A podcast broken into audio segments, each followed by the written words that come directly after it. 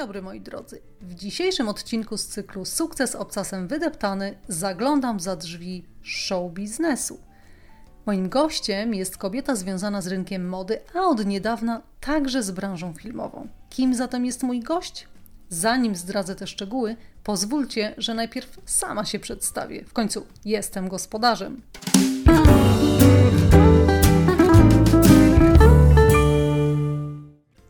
Nazywam się Magdalena Radomska, a to jest mój podcast Be a Woman. Opowiadam w nim krótko i życiowo o rozwoju osobistym. A co to właściwie znaczy? Już wyjaśniam. Dowiesz się więcej o tym, czy naprawdę możesz wszystko. Posłuchasz, jak inni radzą sobie z dużymi zmianami w życiu prywatnym i zawodowym. Podpowiem, jak pracować nad samooceną oraz wewnętrzną harmonią poruszę tematy kreowania wizerunku i troski o Twoją kobiecość. Wisienką na torcie są relacje damsko-męskie. Zapraszam!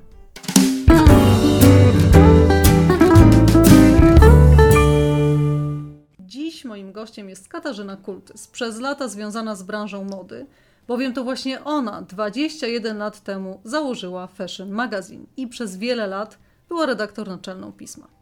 Po odejściu z rynku prasy, teraz z zupełnie nową energią wkracza w branżę filmową. Cześć Kasiu. Mm, cześć Maciu. Co powiesz na małą rozgrzewkę? Mm, dawaj. Świetnie. Trzy krótkie pytania i poproszę o takie same odpowiedzi, czyli krótkie. Co jest dla Ciebie ważniejsze? Kreatywność czy sumienność? I jak muszę wybrać jedną, to kreatywność, ale jestem zdania, że można połączyć jedno i drugie. Dwa. Powie, powiesz wprost koleżance, co cię w niej irytuje, czy raczej przemilczysz dla świętego spokoju? Powiem wprost, bo inaczej się uduszę. Chyba, że stwierdzę, że nie ma to sensu, bo osoba jest zawzięta w swoich przekonaniach i zamknięta na moje odczucia. Ale konsekwencją jest moje odsuwanie się od osób, z którymi nie mogę sobie pozwolić na czystą i szczerą relację. I pytanie numer trzy. E, sytuacja. Wybieracie się z grupą znajomych do knajpy. Każdy ma inny pomysł. Stajesz na czele i podejmujesz decyzję, czy wszystko ci jedno i czekasz na rozwój wypadków? Hmm, hmm. Wiesz co, chyba nie będę się upierać przy swoim, bo lubię poznawać nowe miejsca i smaki. Ale jeżeli będą mieli problem z decyzją i będziemy na to tracić czas, to zaproponuję swoją opcję. I wiesz, co ja tu chciałam sprawdzić? Nie? Czy jesteś dominatorką? Mm. Przejdźmy dalej. E, zmiana zawodowa to właściwie główny temat, który chcę dziś z Tobą poruszyć, bowiem aktualnie jej doświadczasz. Historia jest taka. Masz zawód, wieloletnią pracę, która na pewnym etapie się kończy. Nadchodzi czas na przemyślenia. Zmiana zawodowa w Twoim przypadku jest potrzebą czy koniecznością? Wiesz co, dla mnie ogólnie praca jest potrzebą i koniecznością zarazem bo bez niej czuję się, e, po prostu czuję, że jestem niespełniona w pełni.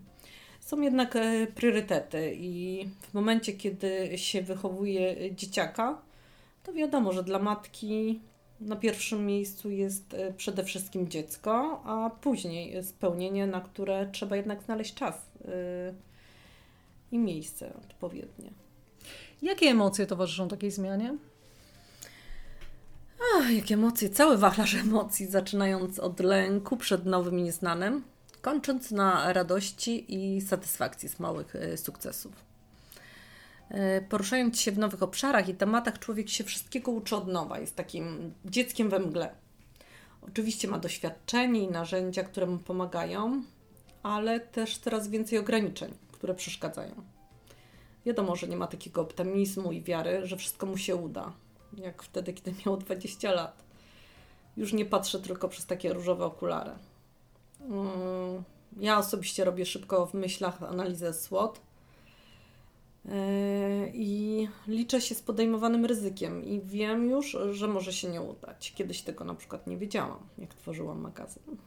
No ale to teraz musisz wyjaśnić słuchaczom, co to jest analiza SWOT. Mm, analiza silnych i słabych stron. Okej. Okay. Mm, po zamknięciu etapu fashion mocno postawiłaś na rozwój osobisty, na rozwój emocjonalny i intelektualny. Co było takim wyzwalaczem, który sprawił, że postanowiłaś solidnie nad sobą popracować? potrzebę odszukania siebie.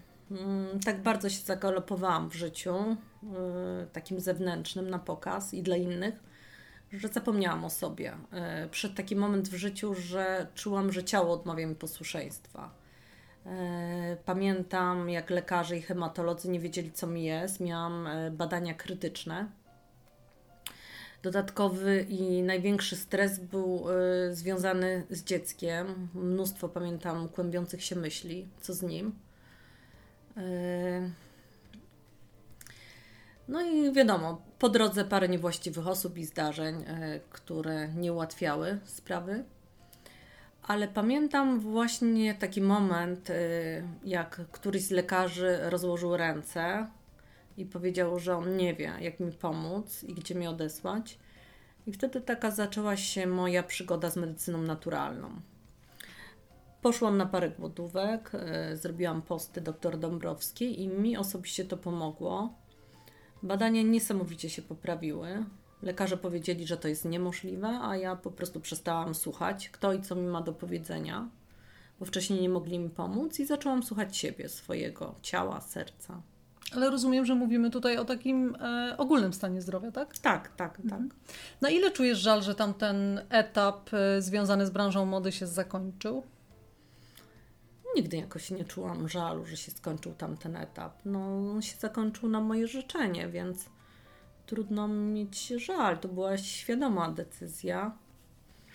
Chyba generalnie, wiesz co, nigdy nie żałowałam, że coś się skończyło. Jeśli chodzi o moje jakieś projekty zawodowe, czy, czy nawet relacje prywatne. Y, wiadomo, że nieraz jak się kończy ważny związek, to boli, ale z perspektywy czasu nie żałuję. Mam takie przeświadczenie, że coś jest po coś i na taki czas, na jaki ma być. Na tym etapie życia staram się nie oceniać i nie trzymać kurczowo niczego i nikogo. Uważam, że nic nie jest na stałe i że wszyscy jesteśmy tutaj gośćmi. Wprowadzasz zmianę, coś się zaczyna w życiu dziać, no i trzeba podjąć jakieś dalsze kroki, na coś się zdecydować. Wiem, że jesteś bardzo kreatywna i masz wiele pomysłów na biznes, na życie. Jak się nie pogubić w chaosie własnych koncepcji? No, kochana, ty wiesz więcej niż ja. Dziękuję za komplement. E, wiesz co? E, hmm. To mój problem, taka właśnie wielowątkowość e, i taka chęć sprawdzania wielu obszarów i możliwości. Od zawsze wiele tematów mnie interesuje, wiele spraw porusza, co mam nadzieję, że będzie procentować w filmie. Ale zanim dobrnęłam do tego momentu, sprawdziłam jeszcze kilka innych obszarów, żeby mieć pewność, że to jest właśnie to. Nieraz mam wrażenie, że kręcę się w kółku i tak jeżdżę po rondzie z dużą ilością pobocznych dróg. Najważniejszym takim momentem dla mnie to jest e, ten moment podjęcia decyzji i przejścia do działania, bo wtedy puszczam energię w tamtą stronę i zaczynają się dziać fajne rzeczy. Czyli trzeba zrobić pierwszy krok, tak? Tak. Dobrze, że wspomniałaś o filmie, bo właśnie o tym chciałam e, z Tobą e, troszkę porozmawiać. Postanowiłaś związać swoje dalsze losy zawodowe właśnie z tym obszarem i to jeszcze jako reżyser. To jest duża zmiana. Jaką drogą doszłaś do właśnie takiego wniosku? Jaką drogą? Wiesz co, odkąd pamiętam, zawsze chciałam funkcjonować w branży e, filmowej. E, od dziecka było to moje marzenie. Już jako e, mała dziewczynka reżyserowałam przedstawienia w piwnicy i w nich grywałam. Ale ze względu na brak dobrego głosu nie odważyłam się zdawać do szkoły aktorskiej. No więc poszłam na marketing, potem E, zrobiłam coaching, psychoterapię w gestalt, kulturoznawstwo. Szukałam takich substytutów, aż wreszcie sobie powiedziałam, że teraz albo nigdy i złożyłam papiery e, na dokument do szkoły Wajdę. E, będąc na egzaminach, poczułam, że to jest właśnie to miejsce, ci ludzie, od których chcę się uczyć i czerpać. A po skończonym dokumencie mój apetyt wzrosnął i chciałam więcej. Więc złożyłam kolejny projekt na e, film fabularny, również do szkoły Wajdę. No i kontynuuję swoją przygodę. E, Nigdy nie miałam specjalnych autorytetów, bo mało kto mi imponował. W tym miejscu są mądrzy i wrażliwi ludzie, dlatego się czuję dobrze. I chociaż y, nie jest łatwo, nieraz nawet bardzo trudno, to czuję się szczęśliwa i czerpię z bycia tu i teraz. Bez jakichś większych oczekiwań i narzuconej sobie presji. Ale wiesz, film to wciąż show biznes i media. Twój pierwszy dokument był o modzie. Ewidentnie wciąż ciągniecie w tamtym kierunku. W czym tkwi ten magnes? Mm. Hmm. Największym magnesem jest człowiek sam w sobie. Jego psychika, doświadczenie, e, doświadczenia, pragnienia, sposób patrzenia na świat, jego pasja i dzieła, jakie tworzy. E, moda jest swego rodzaju sztuką, a projektanci, do których mnie ciągnie ze względu na pewną wrażliwość osobowościową i wizualną, są właśnie takimi artystami, którzy, którzy też tworzą. Tworzą fajne, kreatywne rzeczy. Generalnie spędziłam mnóstwo czasu z ludźmi związanymi z branżą modową. I mam takie poczucie, że z wieloma z nich e, czujemy się bez słów, że mamy podobną wrażliwość, e, podobają nam się podobne zdjęcia, obrazy, filmy, nieraz nawet ludzie. Wiele zmieniło się w branży mody przez tych kilka lat. E, przetasowali się ludzie, kariery, tytuły prasowe, a także pewnie Twój stosunek do tego środowiska. Na przestrzeni 20 lat dużo się zmieniło, ale wiele osób pozostało w branży. E, często te osoby rotują po różnych miejscach, ale przeważnie są to miejsca takie związane jednak z modą i z rynkiem wydawniczym. E, dla mnie papier e, ma swego rodzaju magię, nie tylko w samym takim zapachu i strukturze, ale tym rytuale tworzenia czegoś, co zostaje zaklęte, zatrzymane na stronie i żyje jako jakiś czas, jako magazyn. Generalnie z wielkim sentymentem śledzę e, rynek prasy kobiecej premium i niestety z bólem serca widzę, że ustępuje miejsca mediom internetowym. To tak dla porównania, jak wielcy artyści, którzy naprawdę mają wiele do powiedzenia i do pokazania, pokornie schodzą ze sceny, aby ustąpić miejsca niektórym celebrytom. Niestety nieraz bez treści. W ogóle wrażenie, że my jako naród jesteśmy zamknięci często na to, co rozwija, a otwarci na to, co, co nam nie pomaga, a nieraz nawet otępia. A jeśli chodzi o mój stosunek do środowiska, myślę, że po latach pozytywny, ale zdystansowany. Yy, myślę, że wiele widziałam i przeżyłam ale mimo to pielęgnuję znajomości z fajnymi i wartościowymi ludźmi, z którymi mi jest y, po drodze, jeśli chodzi o system wartości.